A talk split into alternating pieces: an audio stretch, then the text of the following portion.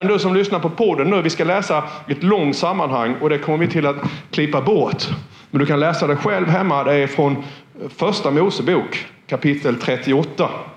Alltså det här är ju en oerhört märklig berättelse. Så är det va. Alltså Juda här, han får tre söner. Er, Onan och Sela. Och eh, så här är det i stora delar av världen fortfarande. Alltså att äktenskap är en typ av förbund då, för att göra familjen stark och öka förmågan att överleva och klara sig. För livet är hårt på många platser i världen. Mm. Men vad som händer här är då att er som gifter sig då med den här kvinnan Tamar, och hon var säkert väldigt ung, han dör. Ja. Och det kunde inte hon hjälpa. Och sen så för att på något sätt brors minne och arvslott. Också för att man skulle ta hand om Tamar. För att pensionsförsäkringen på den tiden var barnen. Så det var ju barnen som tog hand om de äldre när de äldre blev gamla. Och för att hon skulle klara sig då så var hon tvungen att få barn också. Barn som hjälpte henne. Så där så gick det över till bror. Mm. Och det är den här, Jesus får ju den här frågan också vem som blir man till dem i himlen. Man säger ingen, för i himlen så är det annorlunda. Ja. Och då så gifter sig Ornan med henne. Och, och, men Ornan han gör ju inte vad han ska. Eller hur? Utan han ser till så att hon inte blir gravid. Och det här har vi ju, det finns så många ställen i Bibeln som vi på något sätt omformar och gör till någonting som inte är meningen därvid. För av ordet Onan så kommer ju onani. Och sen så har man dragit växlar på detta här. Men, men grejen med Onan här vid, det hade ju inte med onani att göra överhuvudtaget. Utan det här handlade om att han tog inte sitt ansvar. Eller hur? Alltså det som gjorde att Gud reagerade, det var att han hade ett ansvar. Det fanns ett syfte med Tamars liv. Alltså att ut ur Tamar skulle födas en son som var liksom i genealogin, alltså i Jesus släkttavla. Så hon var ju en del av Messias som skulle komma. Det här var ju förutbestämt. Och, och hans syfte, hans ansvar var ju, var ju att se till att hon blev gravid. Ja, men han tog ju inte sitt ansvar. Och det är liksom, som jag menar då, att du och jag, vi har ett ansvar. Alltså när vi är med i en församling så tionde tillhör Gud. Och det får du inte spilla på marken. Utan det ska ges dit så att det kan bära frukt. Eller hur? Om du spenderar ditt tionde på andra saker så kan inte bära den frukt som Gud har tankat ditt tionde ska göra. För ditt tionde har ju också ett syfte. Och det leder ju också till Jesus på ett eller annat sätt, eller hur? Vi, vi, har, vi har ett ansvar för, för alltså hur vi talar. Du har fått en mun för att du ska kunna prisa Herren. Du är en ny skapelse för att du ska kunna ge han äran den, liksom din mun och din lovsång, det kan du inte bara spilla på marken. Utan det är ju tänkt att du ska upphöja, prisa och lova Gud. Så att du kan få skörda när du prisar Herren. Alltså det finns ett ansvar som, som växer fram när man är född på nytt. Halleluja. Det är ju därför som vi är här. Och många gånger så säger man kanske, men du är anställd Tommy. Jag behöver inte vara anställd. Jag har faktiskt en annan utbildning. Jag kan sluta imorgon och börja som lärare nästa dag. Jag har min lärarexamen. Men om jag skulle sluta här som pastor så skulle jag fortfarande ändå vara här på söndagarna. Varför det då? Jo, därför att det finns ett syfte och det finns ett ansvar med mitt liv. Och så jag måste så in i församlingen, så min tionde, så min, liksom en arbetsinsats för att vara en del av det som sker här. Eller hur? Vad som händer här vid nu då att han hade ju en, en tredje son då. Och han var inte så gammal. Så hon kunde inte gifta sig med honom. Och dessutom så, Juda här, han gav ju då Tamar skulden för det som hade hänt. Hon var ju också ett offer. Och det är klart att, att du vet att när man, när man känner av smärta, tänk dig själv, och först så dör första sonen. Och sen dör andra sonen. Du börjar fundera på, det är märkligt alltså, bägge sönerna var gifta med samma kvinna. Kanske var det hennes fel att de dog. Så han trodde att det var hon. Och vet du det som rädsla gör med dig och mig? Rädsla gör ju ofta då att vi stänger ute saker och ting. Vi vågar inte göra vissa saker. Alltså, det finns ju människor då som kanske har gått igenom en skilsmässa en eller två gånger. De vågar inte gifta sig en gång till. Varför det då? Därför att man är rädd för att misslyckas en gång till. Därför att bägge skilsmässorna, det var ju en sån enorm smärta i det som hände. Kvinnor som, kan, jag kan tänka mig in i det, liksom, kvinnor som får missfall efter missfall. Och varje gång så blir det en tragedi, det gör ont, man gråter och det är en sorg. Ska man våga försöka en gång till? Och det är väldigt lätt för oss som är utanför då att säga det är klart att du ska försöka en gång till. Men du vet rädslan finns ju där för att det ska göra ont igen. Så på ett sätt kan jag förstå Juda. Men på andra sättet så tog han inte sitt ansvar. Och vad han gjorde, han ger ju henne skulden för någonting som inte hon var orsak till. Mm. Men hon på något sätt tar ju saken i egna händer. Han skickar ju hem henne. Så en dag så tar hon på sig läderkjolen. Eller med push-up-bhn och lite fransk parfym. Och, eller hur? Hårdklackat. Och så sitter hon vid vägkanten när han går förbi. Och han känner alltså inte ens igen henne. Det har ändå varit hans egen svärdot och han känner inte igen henne. Och jag säger inte att hon gjorde fel eller rätt i det som sker nu. Men det som händer här vid nu är att hon blir ju gravid. Med sin svärfar. Och hon har tvillingar som hon bär på, på insidan. Och nu efter en tid då så börjar det ju synas. Efter tre månader så börjar folk att prata. Och så säger de att, eh, du vet Tamar, ja vad är det med henne då? Ja, hon har ju gått klädd svartklädd och söt. Men du vet att hon är inte så ledsen som hon verkar. Hon har sina stunder hon också. Det syns på henne. Hon är ute och gör en del saker som inte hon ska göra. Och, och han blir rosenrasande i det som händer. Och, och det är ju så typiskt för kök och folk ibland. Vi har väldigt, väldigt lätt att bli arga på dem som gör fel. Eller hur? Mm. Alltså det finns en självrättfärdighet här. Alltså människor som i sin svaghet. Och, och, du vet aldrig vad som ligger bakom det som händer. Utan vi blir så väldigt arga och vi är så snabba till att döma. Utan när det gäller oss själva. Då blir vi mjuka och fulla med empati. Och han, han säger till, tänk dig in i den här situationen. Han säger till henne, bränn henne. Alltså, det, det var inte bara det att man skulle bränna Tamar. Utan hon var ju på tjocken, hon var gravid. Det innebar att om man brände Tamar så skulle de också bränna barnet som fanns på insidan. Och de släpar henne. Och folket är ju med här. Hon får skammen, hon får skulden. Och liksom när de ska ta fram tändvätskan, tändstickorna, så, så, så, så säger vänta, vänta, vänta lite grann nu. Eh, innan ni tar fram tändstickorna, säger hon. Därför att jag, jag har en grej här i min ficka. Hon, hon, på något sätt, ibland så måste man på något sätt ta ett steg framåt och trycka tillbaka. Och säger, vad har du i din ficka då?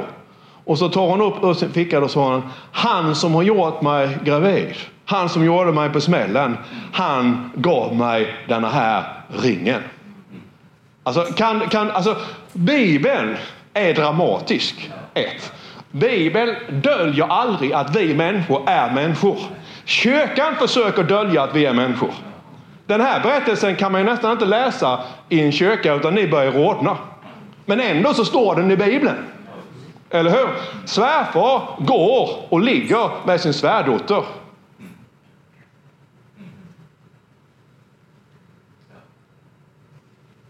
Vi hade förkastat både svärfar och svärdottern.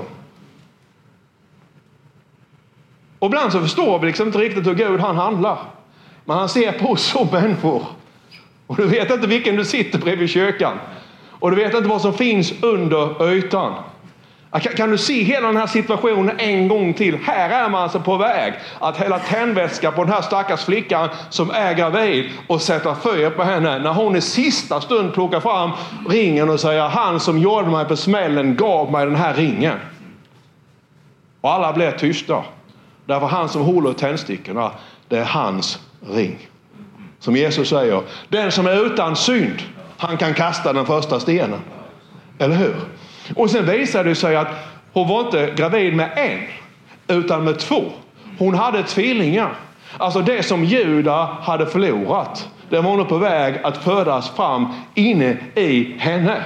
Och dessutom så var det ju så att det barnet, den äldste pojken, mm, han skulle då bli nästa son i ledet som pekade mot David, som pekade mot Salomo och som pekade på Jesus. Och så tänker vi då, hur kan Gud tillåta att en sån människa, att en sån här händelse som är så fylld av synd och allting som kyrkan fördömer. Hur kan han tillåta att det är på det sättet att Jesus kommer utifrån dessa här människorna? Men du vet när Gud han handlar med dig och mig. Är du här idag? Alltså han vänder ju ofta misslyckande till någonting som lyckas. Det är inte så att Gud tycker att det är bra med prostitution. Men han ser alltid människan. Och Gud är inte ute för att döma. Utan Gud vill ju alltid upprätta. Kan, kan du se det här? Gud han ser till hjärtat, Gud han ser människan. Och där du och jag vill se någonting som vi fördömer, där ser Gud istället någonting som att om han får tag på honom eller henne så ser han en potential. Som när han har upprättat den här personen så kan det bli någonting fantastiskt. Gud ser alltid människan. Och Gud han ser någonting som han kan upprätta i den människan. Men, jag vill bara, liksom, du ska se det här nu. Varför händer det här då? Jo, ett. Hon fick ju skulden för någonting som hon inte var orsak till. Alltså man gav ju henne någonting som kallas för falsk skuld. Hon var ju också ett offer. Har, har du varit med om det? Alltså att man, man, man får skulden för någonting som man inte har gjort. Hon talade ju sanning, men hon fick skulden. Medan den som var orsak och som var skyldig, han betraktades som vadå? Som är oskyldig. Och, och, många gånger så är det ju så här. va. Och du har säkert varit med om det, att du har gjort någonting så, och det är inte ditt fel. Och du får skulden för det som har hänt. Medan den då, som verkligen är orsaken till alltihop det här, den personen går fri. Alltså det, det, det, är oerhört jobbigt att gå igenom sådana här situationer. Och ibland så, så vet du vad som är riktigt och du vet vad som är rätt. Men du kan liksom inte berätta det. Ord står mot ord. Och ska du säga vad som egentligen har hänt, då kommer kriget då liksom bara till att öka ännu mer. Så, så det är ju väldigt viktigt att vi inte ger människor skulden för någonting som de inte är orsak till. Eller hur? Och, och den andra grejen är också det här då, att, att när, när det gäller skuld då så så, så, är det, så är det så att den som, som tar på sig skulden. Vi vet ju det att det finns ju människor då som, som blivit utsatta för övergrepp. Barn som blivit utsatta för övergrepp av sina föräldrar. De tar på sig skulden för det som har hänt. Jag gjorde något fel. Nej, du har inte gjort något fel.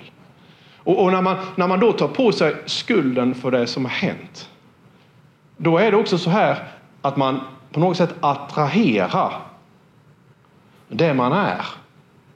Det finns ju kvinnor då, ofta är kvinnor då som, som, som, gift, eh, som, som råkar gifta sig eller av någon anledning med en man som misshandlar dem.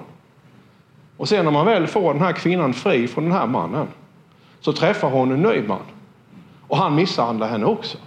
Och så tänker då jag, hur stor är chansen egentligen att man... För vi män är ju inte på det sättet.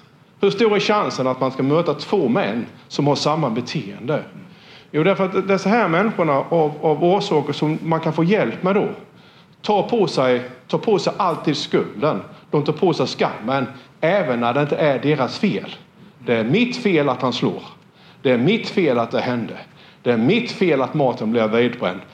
Det, det är mitt fel. Det är mitt fel. Det är mitt fel. Och så finns det människor då i vårt samhälle som älskar människor som tar på sig skulden.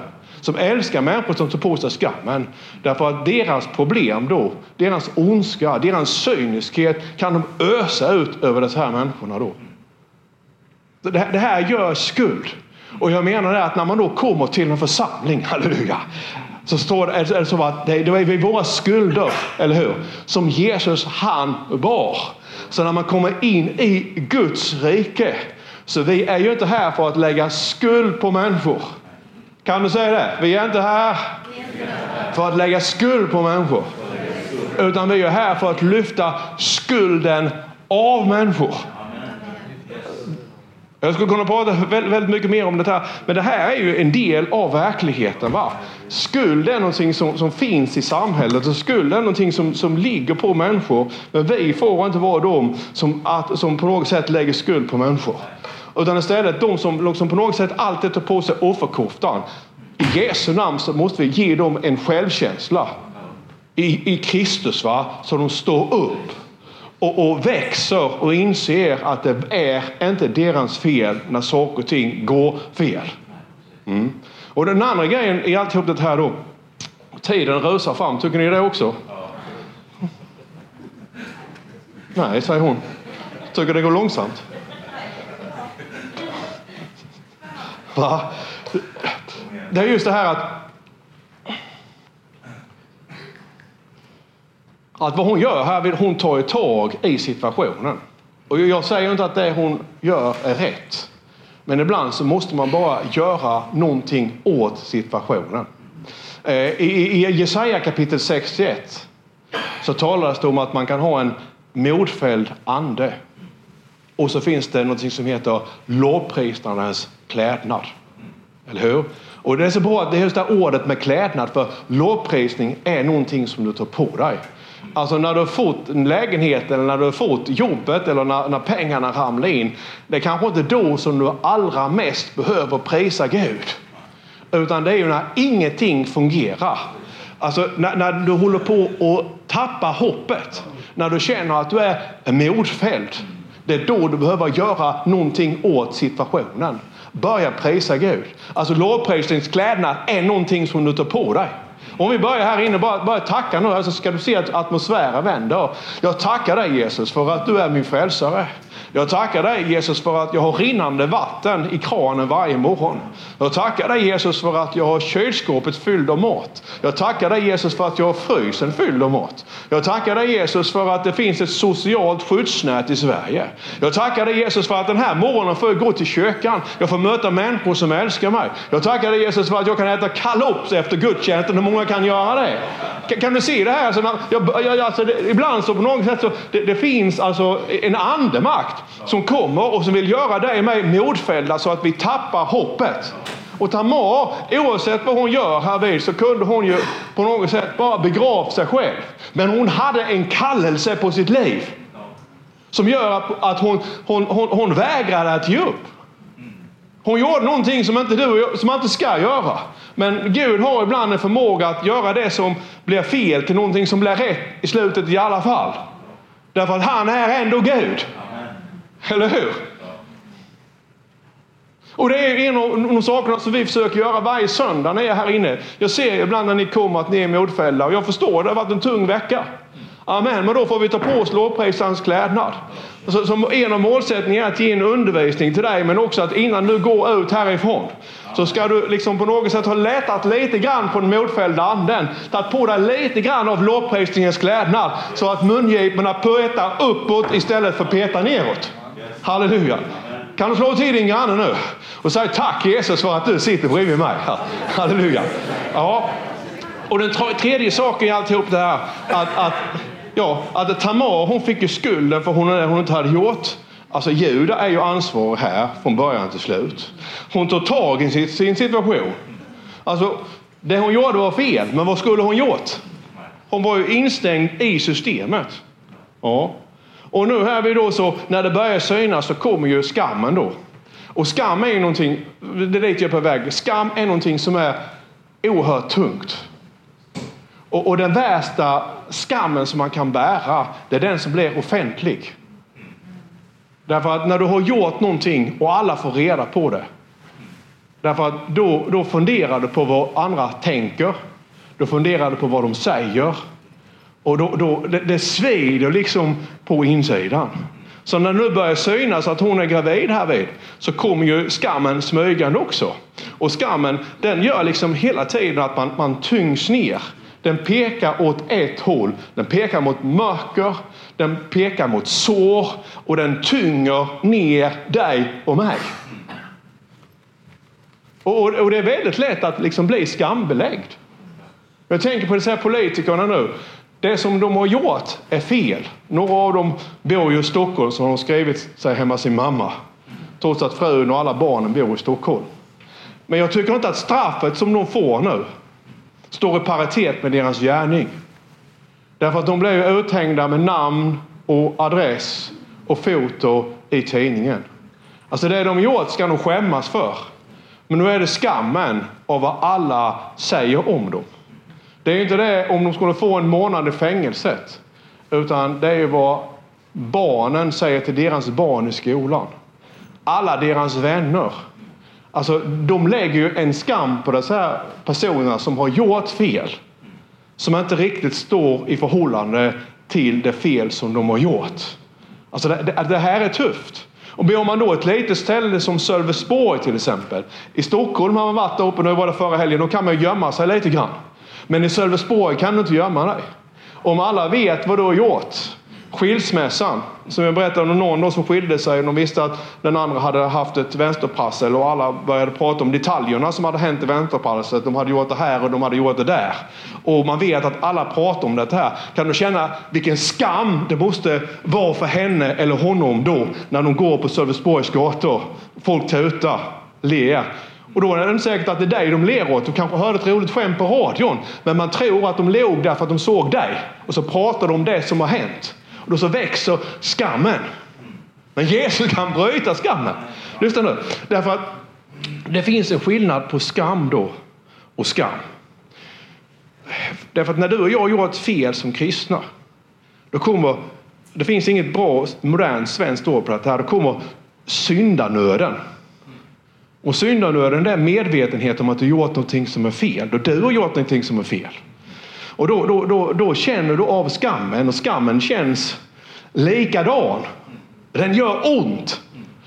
Men skillnaden mellan syndanöd och den skam som kommer på grund av vad andra människor gjort dig. Det är att den skammen den leder bara åt ett håll. Den leder ner och den leder mot mörker. Men den skam som kommer av syndanöden. Syndanöden leder inte ner utan syndanöden leder, syndanöden leder upp. En gång till. Alltså, när du får syndanöd, när den helige ande kommer över dig och ger dig syndanöd så får du styng i hjärtat. Du får skam. Men den syndanöden kommer inte för att trycka ner, utan den kommer för att lyfta upp. Den kommer för att du ska vända upp.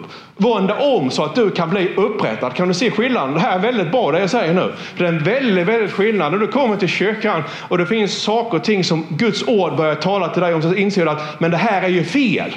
Ja, och då känner du skuld och du känner skam. Men det kommer inte för att trycka ner dig, halleluja. Det kommer för att sätta dig fri i Jesu namn och för att lyfta upp dig. Och det är så som Guds rike är.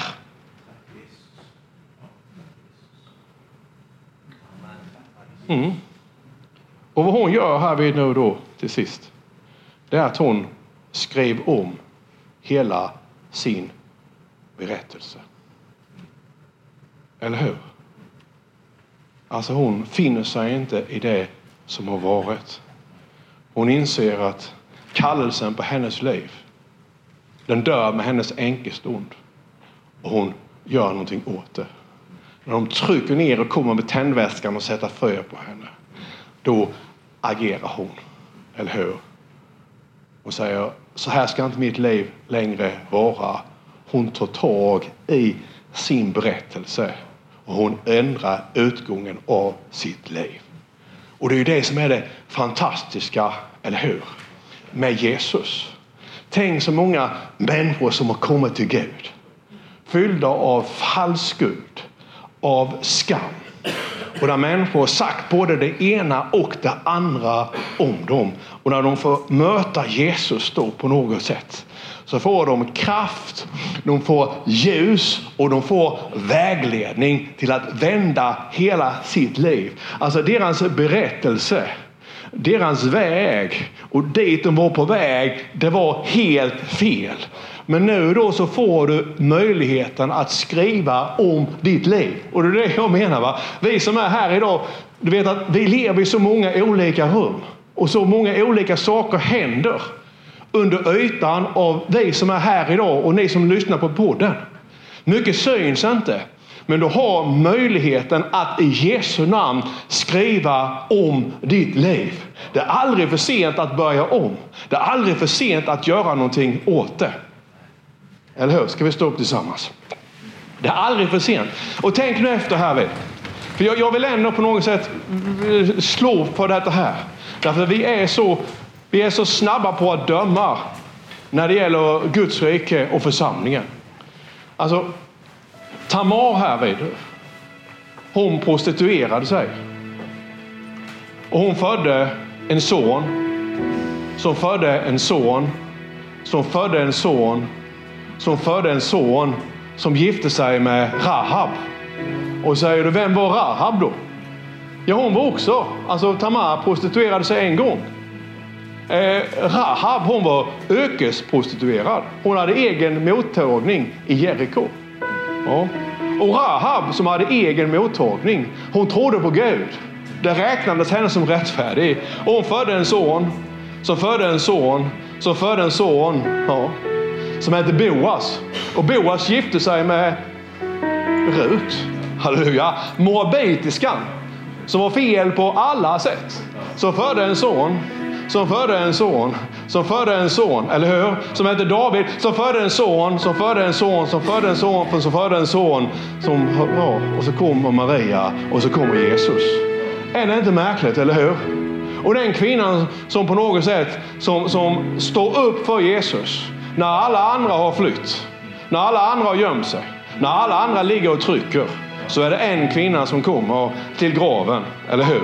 Och det är Maria från Magdala som var prostituerad, som hade sju demoner i sig och alla blev utkastade offentligt. Jesus skämdes inte för henne. Och det är det jag menar. Alltså, du och jag vi kan se och vara så extremt misslyckade i andra människors ögon. Men det betyder inte att du är misslyckad i Guds ögon. Mm. Och, och när, när, när, vi på något sätt rör oss i samhället, vi behöver inte skämmas för att vara Kristi kyrka. För vi, vår uppgift är att se det bästa i varje människa. Och hur långt vi än tycker att de har fallit och hur dåliga saker. Det här är ju ändå en kvinna. Man måste ändå se på vad det här är. Det här är ju fel på alla sätt. Eller hur? Hon går ut och förför sin svärfar i tron att hon är en prostituerad. Han ligger med en prostituerad. Hon blir gravid.